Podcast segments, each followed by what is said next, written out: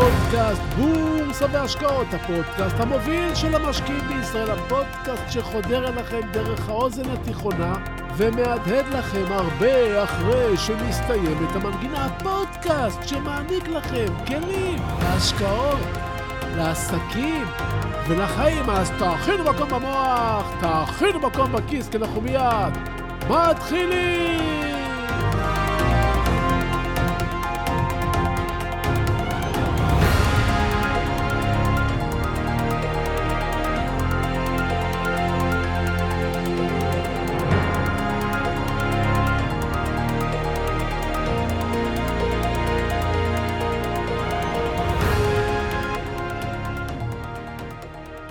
כשאדם מחליט להוציא פודקאסט, הוא במודע או שלא במודע, מחליט לשתף חלק מחייו. כבר יותר ממאה פרקים אני משתף אתכם בחלק ממה שאני יודע. בדרך שלי, במחשבות שלי, בסיפורי הילדות שלי. ואני מרגיש שככה, בחלל הווירטואלי הזה, שממלא כל מקום בינינו, נוצרת אצלנו קרבה מיוחדת, שאומנם היא לא כמו היכרות פיזית בין שני אנשים, אבל עדיין היא קרבה מסוג מיוחד, שמתחזקת באופן רציף גם מחילופי ההודעות הפרטיות בינינו. וככה במרחב הזה, הווירטואלי, אני משפיע עליכם, ואתם עליי. ונוצר בינינו ריקוד מופלא של אותיות. ומדוע פצחתי בהקדמה הזאת? כי רציתי לשתף אתכם בסיפור אישי. לפני מספר שבועות פנו אליי מערוץ 11. אנחנו מכינים למהדורת השבוע של יום שישי כתבה על ספרי כלכלה, ורצינו להזמין אותך להתארח ולראיין אותך. לא, תודה, אמרתי, אני כבר לא מתראיין לטלוויזיה, עניתי בצורה יבשה לתחקירנית במייל. אבל היא לא ויתרה.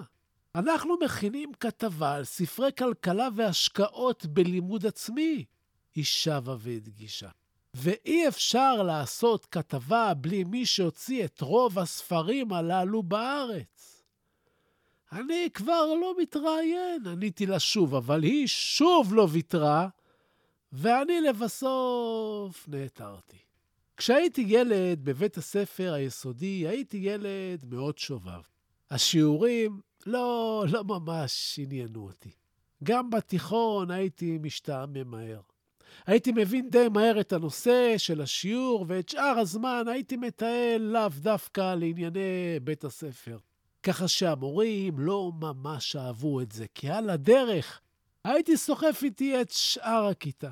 לימי ההורים שלי, אמי עליה השלום, הייתה מגיעה לשמוע מהמורים על התכשיט שלה, ויוצאת עם מפח נפש גדול. אחי הגדול היה תלמיד למופת, ואני לעומתו ממש ההפך. בכל יום הורים בו אמי הלכה לבית הספר של אחי הגדול, היא יצאה מלאת גאווה. וכשהייתה הולכת לימי ההורים שלי, היא הייתה יוצאת, כאמור, עצובה על סף דמעות מעצם המחשבה על העתיד שלי. מה יהיה עם הילד? הנער חכם מאוד, אמרו לה, אבל לא ממצה את מלוא יכולתו. שאלה מילים מכובסות ל"התלמיד לא רוצה ללמוד". ואז כשסיימתי את בית ספר התיכון ואת השירות הצבאי, התחלתי ללמוד בעצמי, וללמד את עצמי. השנים עברו וחלפו, ואני למדתי וחקרתי, התקדמתי, צמחתי, הצלחתי, ובין הדברים שעשיתי, התחלתי גם לכתוב ספרים. חלק מהספרים האלה הפכו לרבי מכר ועוררו עניין רב. עם הספרים שלי הפכתי להיות אורח מבוקש מאוד בערוצי התקשורת. הופעתי עשרות פעמים, בערוץ 12, בערוץ 11, בערוץ 13, התראיינתי ברדיו ובעיתונית, ובאמת, זכיתי לכבוד, ליחס ולהערכה מהתקשורת. נוצרו בינינו יחסים טובים, ככה שבכל פעם שהיה איזשהו מקרה שקשור לשוק ההון או לחינוך פיננסי, היו שולחים אליי מונית שתיקח אותי לאולפנים לראיונות, באולפני הרצליה, ברמת החייל, בתל אביב, בנווה אילן, בירושלים. רעיון בטלוויזיה, כמה שהוא מכובד וממלא, הוא גם כרוך בסיכון. רוב התוכניות מצולמות בשידור חי, ואתה יכול לעשות טעות שתוציא אותך בסוף הראיון רע משנכנסת אליו. למרות שהרעיונות ספונטניים, הם דורשים ממך הכנה מקצועית ומנטלית. בכל פעם שיצאתי מראיון בטלוויזיה, הטלפון הראשון שלי היה מאימא שלי. אימא שלי הייתה הראשונה שרציתי לשמוע. היא עקבה אחריי בכל ראיון. דאגה שכל מי שהיא מכירה בעולם, החל מהיכרות אישית ועד היכרות שטחית, יצפה בשעה היהודה בתוכנית שצביקה יופיע בה. בכל פעם שאמי הייתה מתקשרת אליי בסוף התוכנית, היא הייתה מרוגשת ושמחה. והיא סיפרה לי כמה טוב דיברתי וכמה יפה עניתי ושהייתי לבוש היטב. הרגשתי שפיציתי אותה על יום הורים אחד, מאז שהייתי ילד. ספרתי את ההופעות בתקשורת והשוויתי אותם למספר ימי ההורים המאכזבים שגרמתי לאמי, ובמהלך השנים הרגשתי שעשיתי תיקון. הדבר היחיד שהצטערתי עליו בתקופת לימודיי בבית הספר היה הצער שגרמתי להוריי. מעבר לזה, שנאתי שם כל רגע. אמי עליה השלום הלכה לעולמה לפני מספר שנים. כשהזמינו אותי לכתבה בטלוויזיה ביולי 2022, כבר לא הייתי צריך לסגור פינה. אז לא רציתי ללכת, אבל הלחץ של התחקירנית עשה את שלו. הפרפרים חזרו, והפעם הרגשתי בדיעבד שעשיתי את זה עבורכם. שלאורך השנים רציתם לא רק לשמוע, אלא גם לראות. והתגובות שלכם אחרי הצפייה בשידור חיממו לי את הלב וגרמו לי לרצות לספר לכם את הסיפור הזה. אז הנה, שיתפתי אתכם. אז אחרי השיחה האישית הזו, בואו בוא נעבור לביזנס. שלום וברוכים הבאים לפודקאסט בורסה והשקעות, הפודקאסט המוביל של המשקיעים בישראל, והיום נדבר על המוח, על מחשבות, על השקעות, וכמובן עוד דברים שישמטו לכם את הלסת, אז תהיו ממוקדים, תאכינו מקום במוח, תאכינו מקום בכיס, כי אנחנו מיד ממשיכים.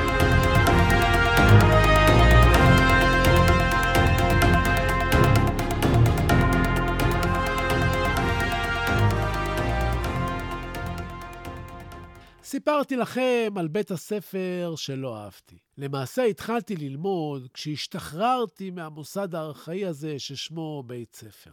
בית ספר מתנהג בצורה משונה לדברים רבים הקשורים ללימוד. אנחנו לומדים 12 שנים בבית הספר, ואז טסים לטייל מסביב לעולם, ולא מסוגלים לנהל שיחה עם נהג מונית באנגלית. 12 שנים למדנו ואנחנו לא יודעים לדבר. קחו לדוגמה את נושא המתמטיקה. המתמטיקה בנויה כמו מגדל קוביות. קובייה מעל קובייה מעל קובייה מעל קובייה.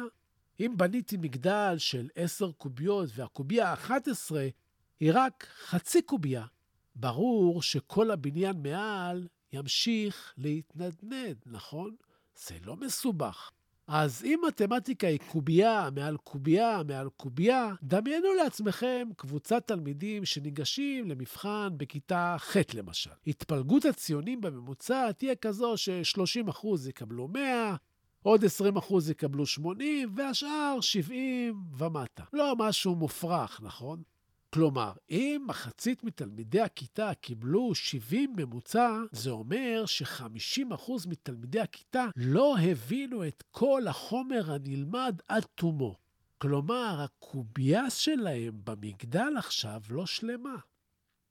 ההיגיון צריך להיות שיש להשלים להם את הקובייה ל-100. כלומר, לתת להם עוד למידה כדי שידעו את החומר על בוריו ולוודא את זה. אבל בבית הספר לא חשבו על זה כל כך, והם ממשיכים הלאה. חומר הלימוד הבא יהיה מבוסס מן הסתם על החומר הקודם. אם אנחנו לא יודעים פרפקט את השלב הקודם, מה הסיכוי שלנו להיות מעולים בשלב הבא? ואתם כבר מבינים לאן אני הולך. לחלק גדול מהתלמידים אין סיכוי להיות 100 במתמטיקה בשנים הבאות, כי בשלב זה או אחר הקובייה שלהם לא תהיה שלמה, ומגדל הקוביות שלהם מתנדנד. עולם המתמטיקה בבית הספר בכלל קצת מנותק מהצרכים שלנו במציאות. קחו דוגמה, במבחן במתמטיקה, בתרגיל, 70 כפול 70. שתי תלמידים כתבו תוצאות שגויות. תלמיד אחד כתב 70 כפול 70 שווה 49,000. תלמיד אחר כתב 70 כפול 70 שווה 4,800. התשובה האמיתית היא 4,900. מי מהם יקבל ציון יותר טוב בבחינה? כמובן שהתלמיד שכתב 49,000 יקבל ציון יותר טוב, כי המורה יאמר לו שמדובר בטעות נגררת של 0, ובמקום 4,900 הוא כתב 49,000, נכון? אבל אני שואל אתכם, מי היה יותר קרוב לתוצאה הנכונה? וכאן, מי שהיה יותר קרוב הוא דווקא התלמיד שכתב 4,800. הוא טעה רק ב-100. בעוד התלמיד שכתב 49,000 טעה ב-44,000. תחשבו על זה, שהייתם צריכים לעשות לי העברה לחשבון עבור 70 ספרים בשווי של 70 שקלים לספר. איזה טעות הייתם מעדיפים? להעביר לי 4,800 שקלים או להעביר לי 49,000 שקלים? אז למי מהתלמידים מגיע ניקוד יותר גבוה בבחינה? אני משאיר את הדוגמה הזאת כחומר למחשבה ועובר לנושא האחרון שלנו להיום, והוא הנושא של חשיבה לאחור. בחשיבה לאחור אנחנו לא מחפשים לבדוק איך נראית השקעה מושלמת, מה שאנחנו מחפשים בדרך כלל, אלא רוצים לבדוק איך נראית השקעה כושלת, או מהן נקודות התורפה והבורות שישבשו לנו את תוכנית ההשקעות שלנו.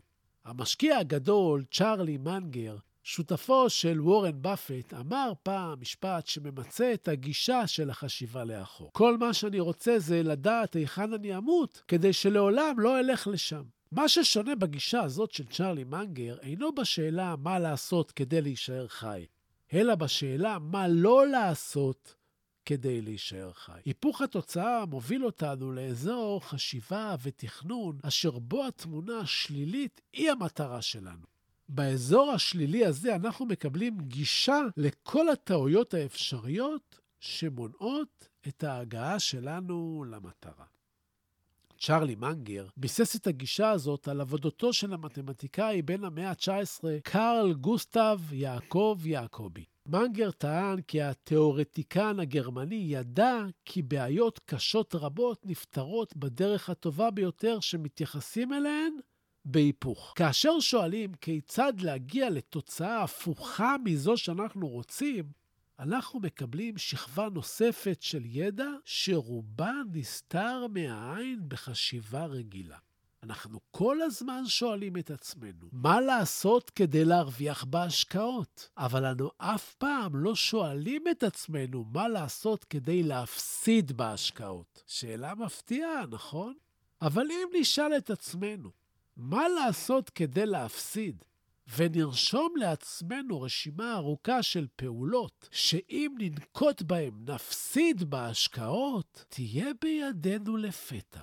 רשימה של דברים שאסור לנו לעשות. היפוך מחשבה ילמד אותנו מה לא לעשות. והנה גם הפעם למדתם משהו חדש שתוכלו ליישם אותו גם בתחומים אחרים. היפוך חשיבה, איך לא חשבתם על זה קודם? מדהים, לא? אז בואו ניגש לפינת הטיפים שלנו.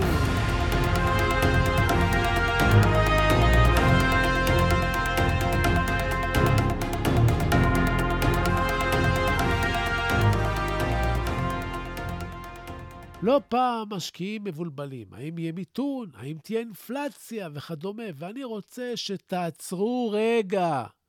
כלכלה היא לא תוכנית ריאליטי בטלוויזיה. בכלכלה יש תהליכים שאורכים חודשים ולפעמים שנים. בין תחילת תהליך ועד שאנחנו באמת מבינים לאן הוא מתגלגל לוקח זמן.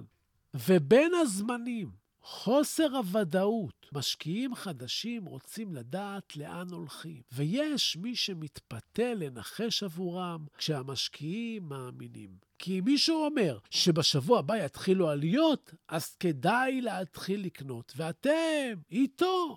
אני מציע לכם לעקוב אחרי כלכלנים בכירים, אחרי נגידי בנקים, אחרי שרי אוצר ואחרי כל מי שישלם מחיר כבד אם יטעה וישקר לציבור. פרשנים מסוגים שונים יכולים לספר לכם כל יום סיפור אחר, והם אף פעם לא ישלמו מחיר. מי שישלם מחיר, אלה תמיד תהיו אתם. אז קחו אוויר, תלמדו תהליכים, תקראו מה היה בעבר, כמה זמן ארך כל משבר, ותבינו שדברים לא משתנים ביום או בשבוע או בחודש או בחצי שנה. אתם הבנתם את זה? אז, אז להיום. ובסיום אני שב ומציין, כן, מה שאני אומר, המלצה מקצועית או יועץ מקצועית, אלה תמיד כדאי לקבל מיועץ מוסמך עם רישיון.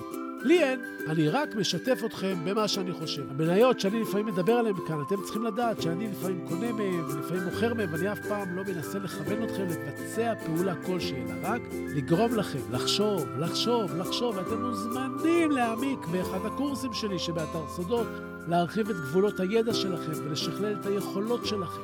תודה. תודה לכם על התגובות החומות, תודה על השיתופים, תמשיכו, תפיצו, ואנחנו גדלים ביחד. תודה להילה ברגמן, שעורכת ומאירה ומפיקה את הפודקאסט הזה. ועד הפגישה הבאה שלנו, אתם מוזמנים לשמור איתי על קשר. לבקר באתר האינטרנט שלי, סודות.co.il. יש שם הרבה טיפים, ובחינם. שלחו לי מייל, זביקה, כרוכית, סודות.co.il. תעקבו אחריי באינסטגרם. סודות, קו תחתון בורסה, באנגלית, תגיבו, תשאלו, תעלו נושאים. אל תשכחו להירשם לקבלת עדכונים באפליקציה. ככה כל פעם שעולה פרק חדש, תקבלו הודעה. תהיו טובים, תעזרו למישהו שצריך. תעשו משהו טוב לעצמכם. תתרמו, תלמדו משהו חדש, תקנו ספר חדש. שיהיו לכם בשורות עולבות, הלוואי שתתעשרו בהקדם. בריאות, כל הישועות. אני הייתי צביקה ברגמן, ואנחנו, אנחנו ניפגש בקרוב.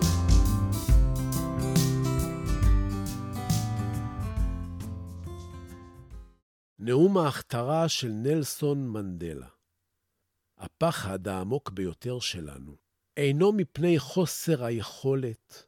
הפחד העמוק ביותר שלנו היא הידיעה שעוצמתנו אינה ניתנת למדידה. האור ולא הצל, האפל שבנו, הוא שמעורר בנו חרדות. כל אחד מאיתנו שואל את עצמו, מי אני שאוכל להרשות לעצמי להיות כל כך מבריק, מקסים, מוכשר ומאושר? למעשה, מי אתה שתרשה לעצמך לא להיות כזה? אנחנו ילדים של אלוהים. כשאנחנו בוחרים לשחק את המשחק הקטן, אנחנו לא משרתים את העולם. אין שום דבר נאור או מואר בצמצום האישיות שלנו, רק כדי שאנשים ירגישו נוח בחברתנו. נולדנו כדי לממש את הקסם האלוהי הגדול בנו, הוא לא גלום רק בחלק מאיתנו. כל אחד מאיתנו נושא את הקסם הזה בתוכו.